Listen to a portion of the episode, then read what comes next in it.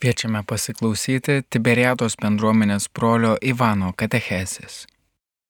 Šiandien norėčiau Jums apie vienatvę kalbėti ir net apie laimingąją vienatvę, jeigu yra galima šitaip kalbėti. Ir man šita tema tapo labai aktuali, kai aš atsikėliau į Lietuvą. Aš nepažinojau šitos žemės, neturėjau jokių pažįstamų, net ir brolių iš šitos bendruomenės nelabai pažinojau. Ir um, aš ėmiau pajusti, nu kas yra vienatvė. Mano artimieji buvo toli, žinoma, ta bendrystė išliko, bet kažkaip aš turėjau pats susitvarkyti, pats susiorientuoti, taip pat aš tapau bendruomenės vyresnojų ir kai esi vyresnybės pozicijoje, ne kitas žmogus e, nusprendžia, bet tu vienu metu tu turi pats e, tos galutinius sprendimus e, priimti. Žmonės gali daug tave patarti arba priekaištauti ir taip toliau, bet tu esi tas, kuris nusprendžia.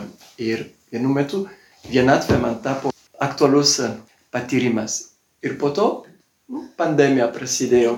Taigi vėl nežinau kaip vienatvės atsinaujinimas. Ir, ir tuo metu per pandemiją aš turėjau daugiau laiko, aš domėjausi tą temą ir nuo tol dažnai mane lydi ir aš manau, kad galint prisijokinti vienatvę, mes tikrai galim laimingai gyventi, nes kiekvienam žmogui vienatvė yra gyvenimo ligmuo, matmuo, vienatvė yra neišvengiama patirtis ir taip mes galim skesti vienatvėje, bet mes irgi galim kaip laivas naviruoti ir iš tikrųjų gyvenimą irgi atrasti.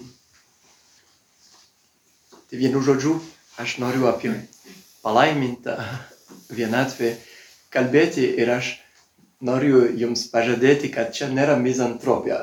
Aš tikrai myliu žmonės, myliu kompaniją, bet ta vienatvė irgi gali būti palaiminta.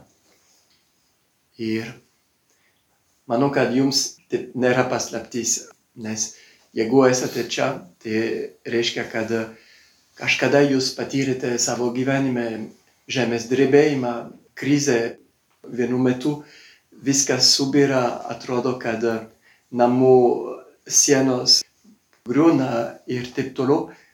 Tuo metu mes tik savo marškinėlius dar turim ir, ir viskas. Ir atrodo, esam labai silpni, beveik nuogi. Ir mes suprantam, kad mūsų gyvenimas laikėsi per išorę, sakykime. Aha, aš turėjau darbą, turėjau poziciją, turėjau žmoną, vyrą arba prieglobstį ir taip toliau.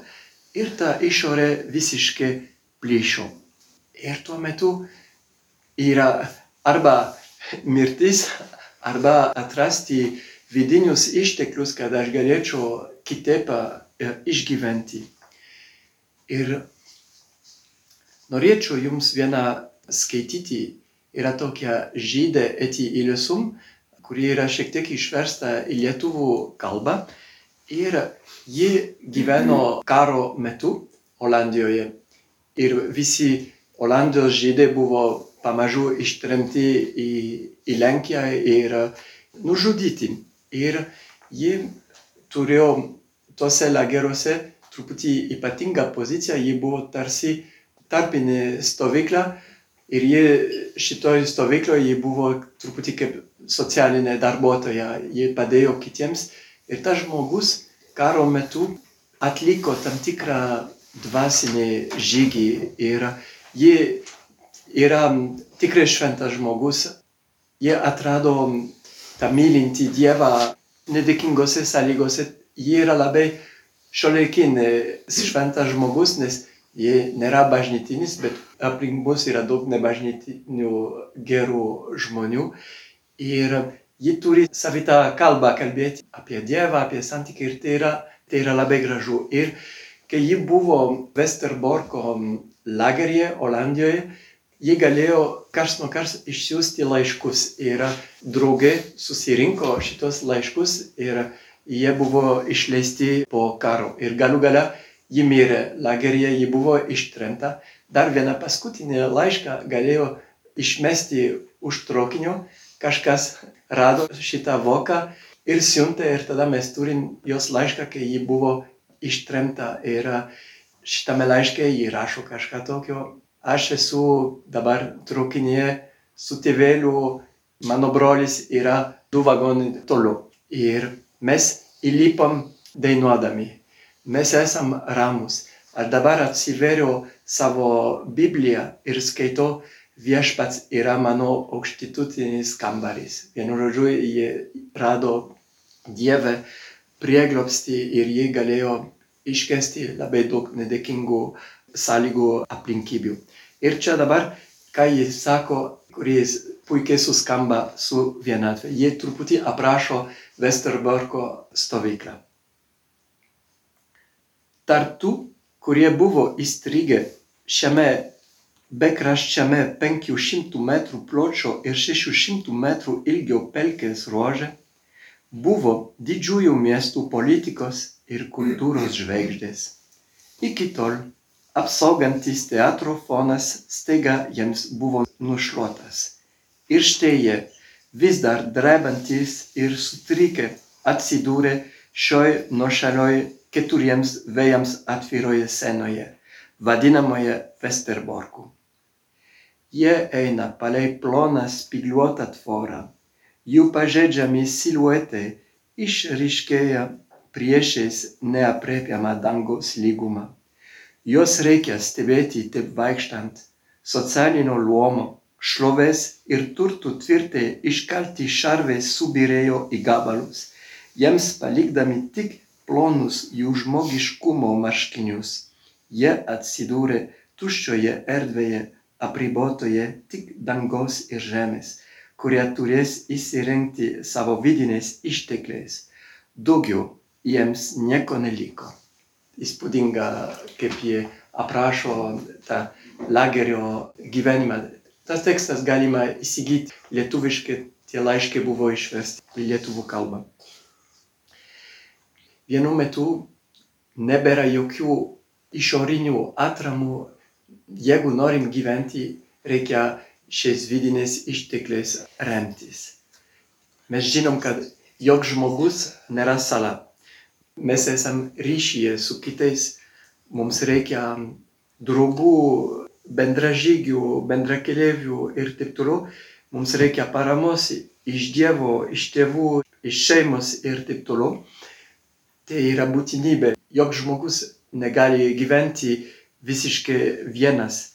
Bet vis tiek gyvenime kartais ateina tas laikas, kad santykiai, žodžiai ir visa kita nuvilia ir vargina. Tuo metu tik vienatvė gali mums, gali teikti gyvenimui naują atspalvį.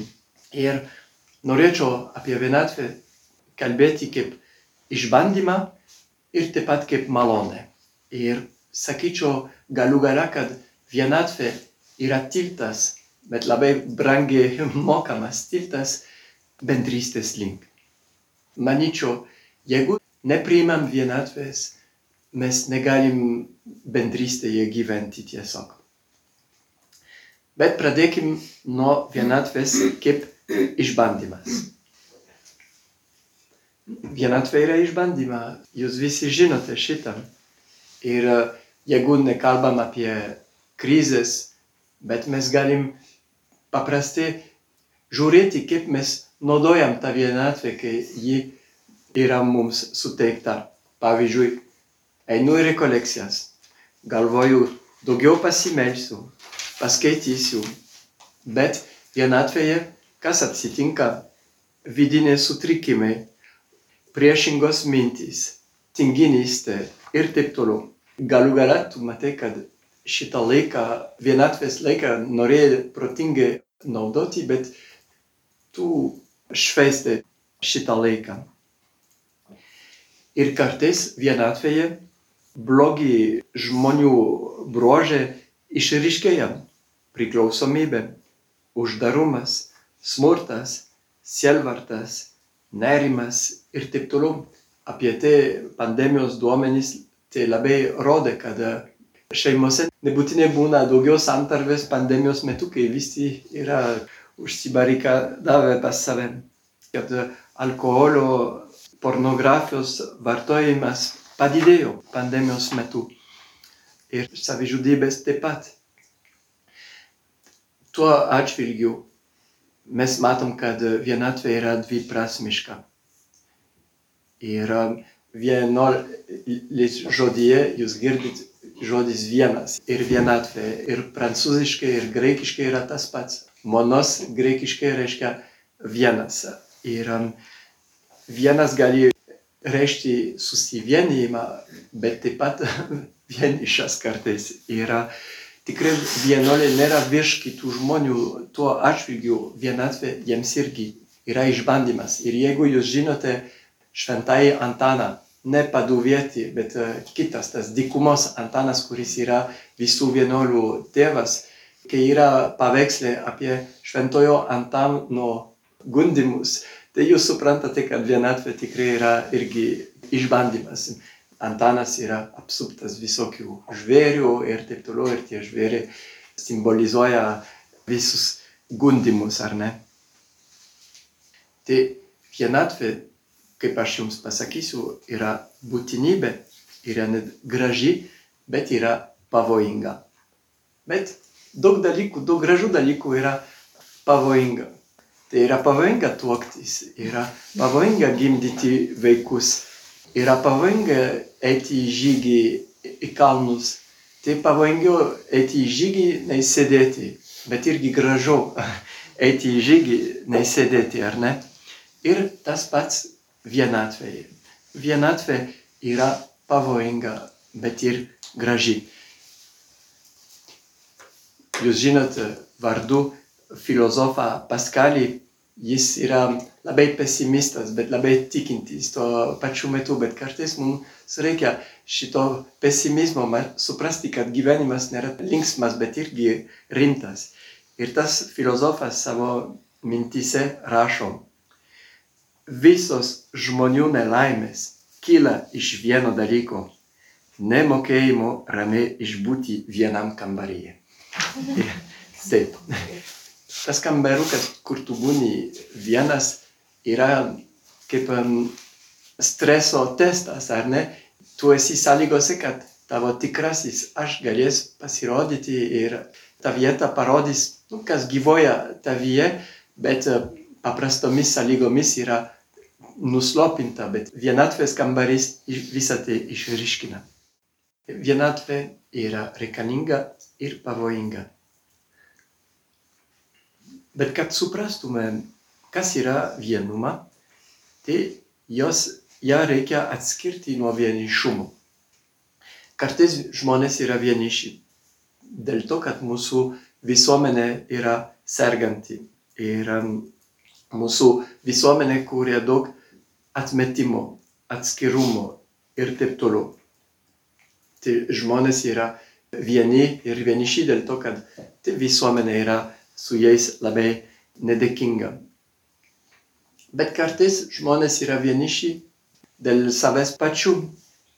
Pavyzdžiui, kai veršlendami, puldami savo artimuosius ir užkrodami jiems savo nusivylimus, bet galiausiai jie sukūrė vakumą, kai žmogus visą dieną skundžiasi, bambėja, bamba ir taip toliau.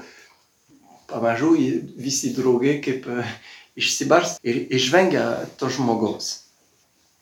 Bet reikia pripažinti, kad tarp vienumos ir vienišumo ta riba yra labai plona. Ir kartais vienišumas virsta vienuma, o kartais vienuma virsta irgi vienišumu. Ir koks skirtumas? Aš sakyčiau, kad vienišumas yra tai, ką mus uždaro o vienumą gali mus atvirkščiai atverti. Ir dėl to, jeigu aš jaučiuosi vienišas arba aš turiu savo jausmus ištirti, kodėl aš esu vienas dabar? Yra dėl mano drovumo arba dėl mano savanaudiškumo, bet jeigu taip yra, būtinai aš privalau išeiti iš to vienišumo. Arba yra dėl mano žaizdų, dėl mano gėdos, kad aš gėduosi sa, savimi, iš tos vienatvės tikrai galima išeiti kalbant su kitu žmogumi, su dvasininku, su terapeutu ir taip toliau. Ir kai aš moku išeiti iš šito vienišumo, kuris mane uždaro, aš patyriu tam tikrą džiaugsmą, tarsi kažkas mane aplanko vienišume. O kitas vienišumas yra, kai žmogus mano, kad kiti nėra, nėra verti bendrauti su manimi. Yra kai kurie žmonės, kurie tiek ant kalnų viršūnės gyvena, kad jie apžvelgia visur aplink, bet visi kiti yra menki žmonės, neverti ir taip toliau. Ir po to tie žmonės ant savo kalno skundžiasi, kad jie yra vieniši. Bet taip reikėtų šiek tiek nusileisti ir mesti šitą išdidumą, nes tas išdidumas tikrai atstumia ir atskiria nuo kitų. Ir tiesiog tie žmonės, kurie yra labai išdydę, patys yra labai liūdni. Jie nežino dėl ko, bet jie yra liūdni vis tiek. Vienu žodžiu, visa tai yra vienišumas ir ne ta laiminga vienatvė, apie kurią jums noriu kalbėti. Šalia vienišumo yra kita vienatvės rušis, kuri nebe uždaro, bet atveria. Kai šventasis Pranciškus meldžia viešpatie, tegu ne tiek steng, stengiuosi būti suprastas, kiek suprašom. Kartais jaučiamės vieni, nes mes nesam suprasti, bet irgi mes negalim aiškinti tam tikromis aplinkybėmis. Pavyzdžiui, tėtis, kuris neteko darbo, jis negali su savo vaikais nuolat kalbėti apie darbo netekti. Jis turi pats nešioti šitą rūpestį, kad vaikai galėtų ramiai, laimingai eiti į mokyklą ir gyventi savo vaiko gyvenimą. Ta vienatvė yra kaip rūpestis kitiems, kad jiems nebūtų sunku. Arba kartais mes jaučiam tą vienatvę, kai mes turim liūdyti tiesą. Tai kartais yra, atrodo, yra taip sunku sakyti tiesą ir mes suprantam, kad niekas negali šitos tiesos sakyti mūsų vietoj. Arba kai kažkas turi priimti sprendimas, aš turiu priimti sprendimą, bet niekas kitas mano vietoj gali priimti šito sprendimo, aš tuo metu patyriau vienatvę. Ir katališkoji teologija kalba apie žmogaus sąžinę. Ir jūsų sąžinė yra tarsi šventovė ir niekas negali priversti jūsų sąžinės šitaip ar kitaip mąstyti jūs pats esate atsakingas už savo sąžinę, bet čia mes vėl mes randam tą teigiamą vienatvės prasme. Trumpai tariant, yra situacijų, ieškojimų, kurių tik aš galiu ieškoti ir semtis. Jei esu ištroškęs, aš gerti turiu pats ir nebus per įgaliotinį, aš pats turiu leistis kelionį. Nežinau, ar jūs atsimenat šitą palyginimą su mergelėmis. Yra, manau, dešimt mergelių, penkios yra peikos, o penkios yra protingos. Ir peikos nebeturi aliejus ir jos nori protingųjų aliejus, bet protingosios atsisako. Bet aš manau, kad yra kaip tos vienatvės matmens kaip iliustracija. Vienu metu tik tu gali pats savimi rūpintis ir per įgaliotinį nebeišeina. Tai yra tavo atsakomybė. Ir nėra, kad protingosios yra nemalonus, bet tu tok, tam tikrose situacijose tu esi atsakingas už save. Bet mes suprantam, kad tokia vienatvė jau nebepriklauso uždarumu, bet atvirumu ir išsiruošimo į kelionę plotmei. Ir jeigu kalbam apie jūrėvį, arba jis leidžiasi kelionėn, arba jis pasilieka prie kranto. Ir ta, ta vienatvė yra kaip vandeninis, kaip jūra, kur mes galim nuotykius patirti. Ir visa tai mus veda prie antro punkto, kad vienatvė yra malonė. Ir vienatvė yra teigiamas nuotykis. Sakiau, kad yra išbandymas, sakiau, kad vienatvė gali būti vienišumas ir kad ta riba yra labai plona, bet vienatvė irgi yra malonė. Yra toks olandų rašytojas irgi išverstas į lietuvų kalbą, Henry Nouenas, jis apie palaidūną sūnų labai gražiai parašė ir jis apie vienatvę šitaip rašo. Vienatvės žaizda yra tarsi didysis kanjonas, gilus įpjovimas mūsų egzistencijos paviršiuje, tapęs neišsemiamų grožio ir savęs supratimo šaltiniu. Atrodo kaip žaizda ir galų gale ta žaizda mums padaro gražesnius. Ir jeigu prisimenam Kristų, mes atsimenam, kad jis prieš misiją 40 dienų išbuvo dykumoje. Ir po to misijos metu jis reguliariai pasitraukdavo vienas melstis į kalnus. Ir kai minė norėjo jį padaryti karaliumi, jis pabėgo. O kai Petras sako Jėzui, visi tavęs ieško, Jėzus tik atsako, važiuokim, eikim toliau. Ir Jėzus, jis tikrai nebuvo minios žaislas, jis nebuvo žmonių lūkesčių ir prognozų žaislas. Jėzus visame kame, sėkmėse ir nesėkmėse, jis buvo laisvas žmogus, jis ėjo savo keliu, jis nenukrypsta nuo savo kelio ir nesustoja pasisveikinimais. Ir aš manau, kad kontempluojam Jėzuje nėra susiję su temperamentu. Nėra, kad visi vienuoliai yra intravertai, o susituokę žmonės yra ekstravertai, kad Jėzus buvo didysis intravertas ir taip toliau. Nieko tokio yra labiau susiję su esme. Ta vienatvė yra žmogaus gyvenimo matmuo. Ir aš jums kalbėjau apie šventąją Antaną, kuris buvo gundomas dykumoje su žvėriais ir taip toliau. Bet kai jis išbuvo 40 metų dykumoje, jis vienu metu grįžo į visuomenę, nes buvo daug reikalų ir vis tiek jis domėjosi, kas vyksta visuomenėje. Ir visi labai stebėjosi, kad jis buvo labai gražus žmogus, labai gaivus, labai bet visiškai nelaukinis žmogus. Ir ta vienatvė nepadarė jo kaip žvėrių, ar ne, bet jį, jį sužmogino tiesiog. Ir po to Antanas turėjo daug mokinių, kurie su juo norėjo išbūti dykumoje, nes stebėjo, kad taip irgi vienatvėje galime tobulėti, atlikti dvasinį žygį. Ir tai liečia ir jūs visus, ne tik vienuolius, bet jūs visus. Jėzus sako senajam Nikodemui, tau reikia iš naujo gimti. Nu, kaip aš galiu grįžti į mamos iščias, kad vėl gimčiau, sako Nikodemas. Aha, tau reikia gimti iš aukštybių. Ir um, manau, kad vienatvė turi tą galimybę mus gimdyti.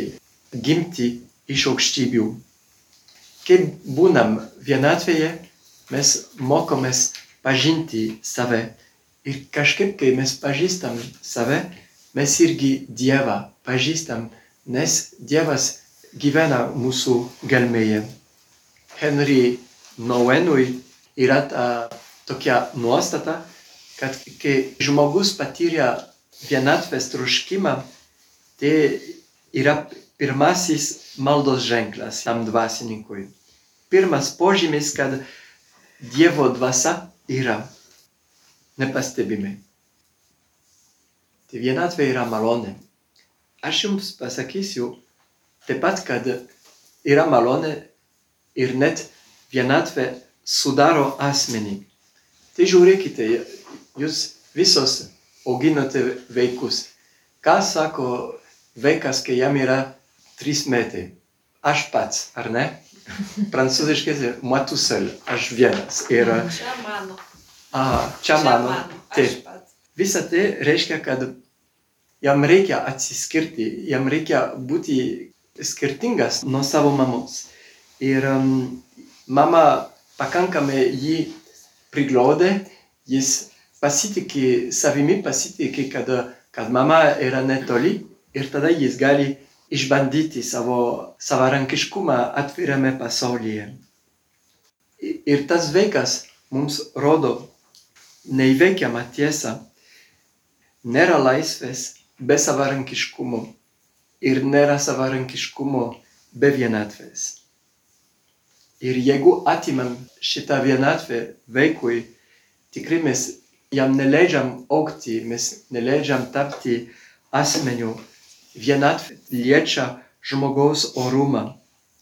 Ir iš tikrųjų, ir gal net ir jau patyrėte, mes galim tik tai sakyti taip, jeigu išmokom sakyti ne. Ir vaikas irgi sako ne prieš sakydamas taip. Ne. ir tai yra labai svarbu.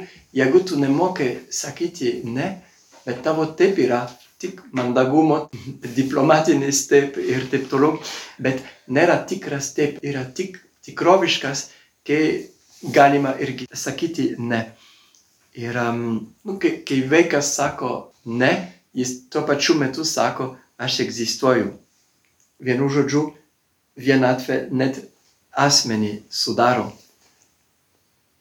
Atsimenate Eti Ilesum, kurią aš citavau pradžioje, ji kalba apie tos vidinius išteklius. Ir aš manau, kad kiekvienas žmogus mes turim tarsi slapčią dalį, slapčią pusę, bet ta slapčia pusė kažkaip apšviečia visą mūsų išorę, visą mūsų matomą pusę. Ir mums reikia tų slapčių vietų, kur mes esame vieni. Pavyzdžiui, mes vienuolė, mes turim celę. Žinom, kad celėje mes galim prisidirbti ir piknaudžioti šią vietą. Bet mums absoliučiai reikia turėti, kadangi mūsų gyvenimas yra labai bendruomeniškas, reikia tą atsiskirimo vietos. Ir celė užtikrina kaip tinkamą atstumą tarp mūsų ir leidžia kiekvienam būti atsakingam už save. Ir pasauliečių pasaulyje irgi kažką tokio galima patirti. Pavyzdžiui, mano močiutė turėjo siuvimo kambarį. Ir šitas kambarys nebuvo užrakintas, bet namuose mes visi žinojom, kad tas siuvimo kambarys yra šventovė. Ir mano senelis buvo šiek tiek valdingas, sakykime. Ir jis jam priklausė visas namas. Bet bu, namuose buvo vienas kambarys.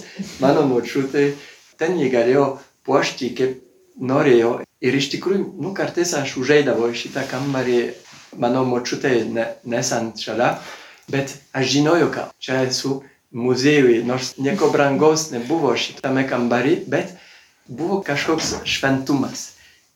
Kaip šitą erdvę turiu omeny, simbolizavo mano močiutės slaptąją dalį. Ir ta slapta dalis žmogaus nėra mažiau vertinga nei regimoji dalis. Ir jeigu ne, nėra slaptos dalies, tai tada mes esam tik senos personažai, kaip kalbėjo Eti Ilesum. Tie žmonės, jie išorė jos palaikė. Jie buvo politikai, jie buvo kultūros žvaigždės ir taip toliau. Bet dabar tos scenos nebėra, bet reikia, kad jas, jas stovėtų, turėtų stuburą viduje. Ką mes irgi pastebim apie vienatvę, kad, kad kažkoks žmogaus kūrybiškumas tik yra įmanomas vienatvėje. Bet dabar mes esam nuolat prisijungę prie elektroninių tinklų. Mes galim diskutuoti, dalytis, kaip padaryti WhatsApp grupę, šit Messenger grupę kitam ir taip toliau. Bet nėra dėl to, kad tie tinklai visur vyroja, kad mums nereikia irgi tylos ir užsiskresti savyje ir kad galėtum kažkaip suvirškinti visą tai, ką mes girdėjom. Žmogus mm, nėra tik produktyvus, jis ne tik tai funkcionuoja, bet ne tik tai gamina, bet jam reikia irgi kurti. Ir kad jis galėtų kurti, reikia šitos vienatvės ir šitos tylos. Nu, aš manau, jeigu turit labai svarbų laišką parašyti, arba norit eilėraštį parašyti, tuomet jums reikia vienatvės. Toje erdvėje mūsų kūrybiškumas, mūsų vidinis turtas tikrai gali skleistis. Bet dabar, jeigu vienu žodžiu aš rezumuočiau, kodėl vienatvė yra malonė, tai būtų žodis unikalumas. Aš manau, kad tas žodis kažkaip viską apibendrina. Kodėl esu vienas? Nes esu unikalus. Ir viskas. Ką reiškia būti unikaliam?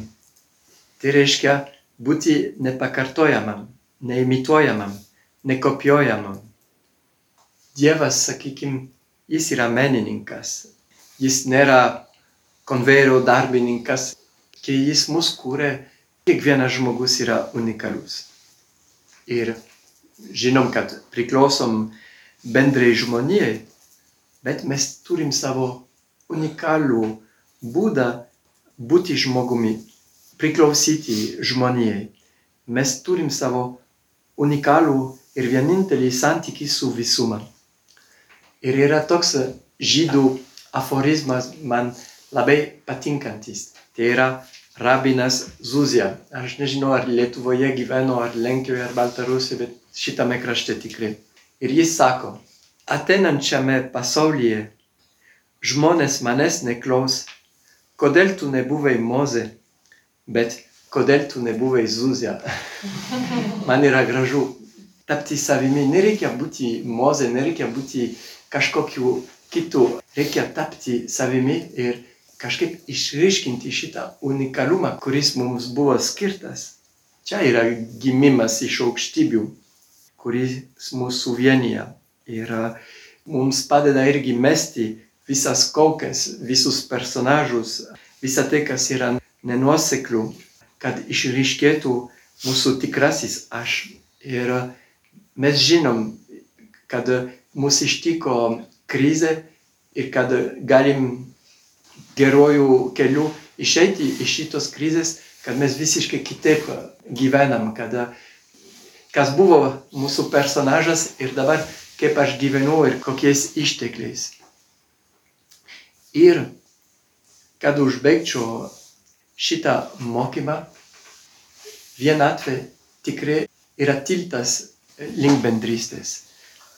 Vienatvė nėra galutinis tikslas, bet vienatvė yra būtinas kelias, kaip kryžius nėra tikslas gyvenime, bet mes žinom, kad jeigu norim prisikelti, labiau mylėti, mes neišvengsim kryžiaus. Ir su vienatvė yra tas pats. Yra tiltas į bendrystę, bet mokamas tiltas labai brangiai. Kaip Prancūzijoje reikia mokėti autostradus ir taip toliau, tai čia tas tiltas, jeigu nori brangiai atsiskaityti. Bet jeigu neatsiskaitysi prie šito tilto, tikrai bendrystės nepatirsi.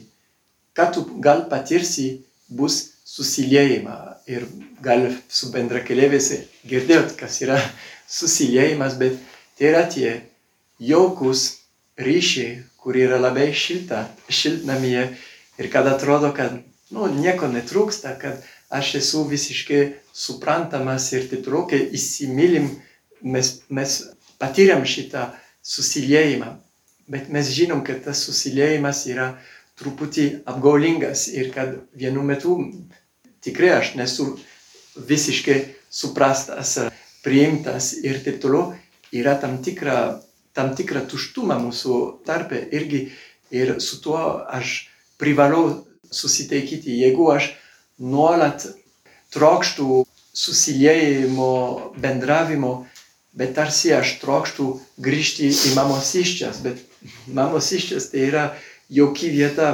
devyniams mėnesiams, bet po to reikia tikrai išeiti. Kitaip yra kalėjimas ir reikia iš to būtinai išeiti. Ir um, susiliejimas mums yra dažnas pavojus. Kaip aš matau, kad aš myliu ne bendrystės meilę, bet susiliejimo meilė, kaip pavyzdžiui, mano rūpestis kitiems yra šiek tiek įkyrus. Nu, pavyzdžiui, aš tikiu, kad aš suprantu visus žmonės, kad aš žinau, ką jie masto, ko jiems reikia ir taip toliau, ir kad aš juos tokiu būdu globoju. Bet kol žmogus man nesakė, ką jis masto, aš negaliu žinoti, aš galiu tik nujausti, turėti intuiciją, bet žmonių mintis nėra mano nuosavybė. Arba aš susitinku su žmogumi ir jis manęs nesišypso. O galvoju, kodėl jis yra supykęs ant manęs, bet gal jis yra visiškai nesupykęs ant tavęs, jis yra nuliūdęs dėl to, kad jį barė žmona arba nežinau kažkas tokio. ir labai dažnai mes sujungiam viską su savimi. Ir, bet čia yra didžiulė klaida ir didžiulis nelaimės šaltinis. Ir tai yra labai daug nurodymų, kad dar mes mylim kitus susiliejimo meilė, o ne bendrystės meilė. Jeigu ir kad galėtum bendrystės meilė, reikia kažkaip vienatvę priimti. Kitaip, kitas žmogus man yra veistas, man yra lasda, bet jis man nėra tas tikras laisvas partneris, kurį aš galiu mylėti dovanai. Ir labai brangiai kainuoja, bet kai mes galim pamažu integruoti vienatvę meilėje, mes irgi esam laisvi. Ir um, aš turėjau išvykti į Lietuvą, aš atsim, man buvo labai sunku atsiskirti nuo saviškių. Bet tuo metu Jėzus kalba prieš kančią man kitaip skambėjo. Jėzus sako savo mokiniams, jeigu jūs mane mylėtumėte, jūs džiaugtumėtės, kad aš išeinu, nes aš išeinu pas tėvą ir jeigu neišeisiu, jums parakleto, jums šventosios dvasios neatsiųsiu. Dabar jūs liūdite, kad aš išeinu, bet jūsų džiaugsmas jums bus sugražintas. Ir aš supratau, kad man irgi dabar reikia mylėti atsiskirdamas nuo kitų arba paleisdamas kitus. Nu, tėvai, kurie nepaleidžia savo vaikų, nėra tikri tėvai, jie yra, nežinau, vaikų savininkai, bet tėvas yra tas, kuris irgi paleidžia. Ir kai patyrėm tokias akimirkas, tuo metu irgi patyrėm vienatvę ir tai yra nejauku. Ir dar gal vienas paskutinis palyginimas apie vienatvę. Broliai, mes bandom kaip būti svetingi. Mes turim daug svečių save, nuolat ir taip toliau. Bet ką reikia daryti, kad įvyktų tas svetingumas? Tu turi būti namuose, jeigu brolių nėra, tai nebus labai faina svečiams, bet tu turi irgi šiek tiek pasitraukti, kad galėtum įsileisti svečius Nes jeigu tu viską užgoži, nėra vietos kitam, reikia būtinai pasitraukti ir ta vienatvės akimirka, kad galėtum kitą įsileisti. Ir kai tavyje yra erdvės, yra tuštumos ir taip toliau, tuo metu tu tampi irgi kažkaip šventovė, užeiga, kur, kur kiti gali prisiglausti, bet reikia tą tuštumą iškesti. Apie vienatvę kalbėjo Tiberiatos bendruomenės brolis Ivanas.